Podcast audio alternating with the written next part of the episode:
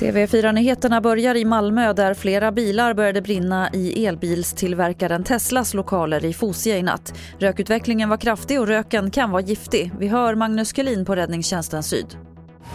Ja, det är ju, vi får vara försiktiga när det gäller bil, eh, brand i elektriska bilar med bilbatterier så att vi har ju haft en restriktiv hållning och även eh, tänkt på röken och att inte inandas den. Liksom. Så att, eh, avstånd och polisen tror att bränderna var anlagda och kollar bland annat igenom övervakningsmaterial för att se om gärningsmännen fastnat där. Så till Göteborg där det hördes en hög smäll i närheten av Första Långgatan i natt. Enligt polisen har man hittat skador på en fasad men det är oklart vad som exploderat. Det finns inga uppgifter om skadade personer.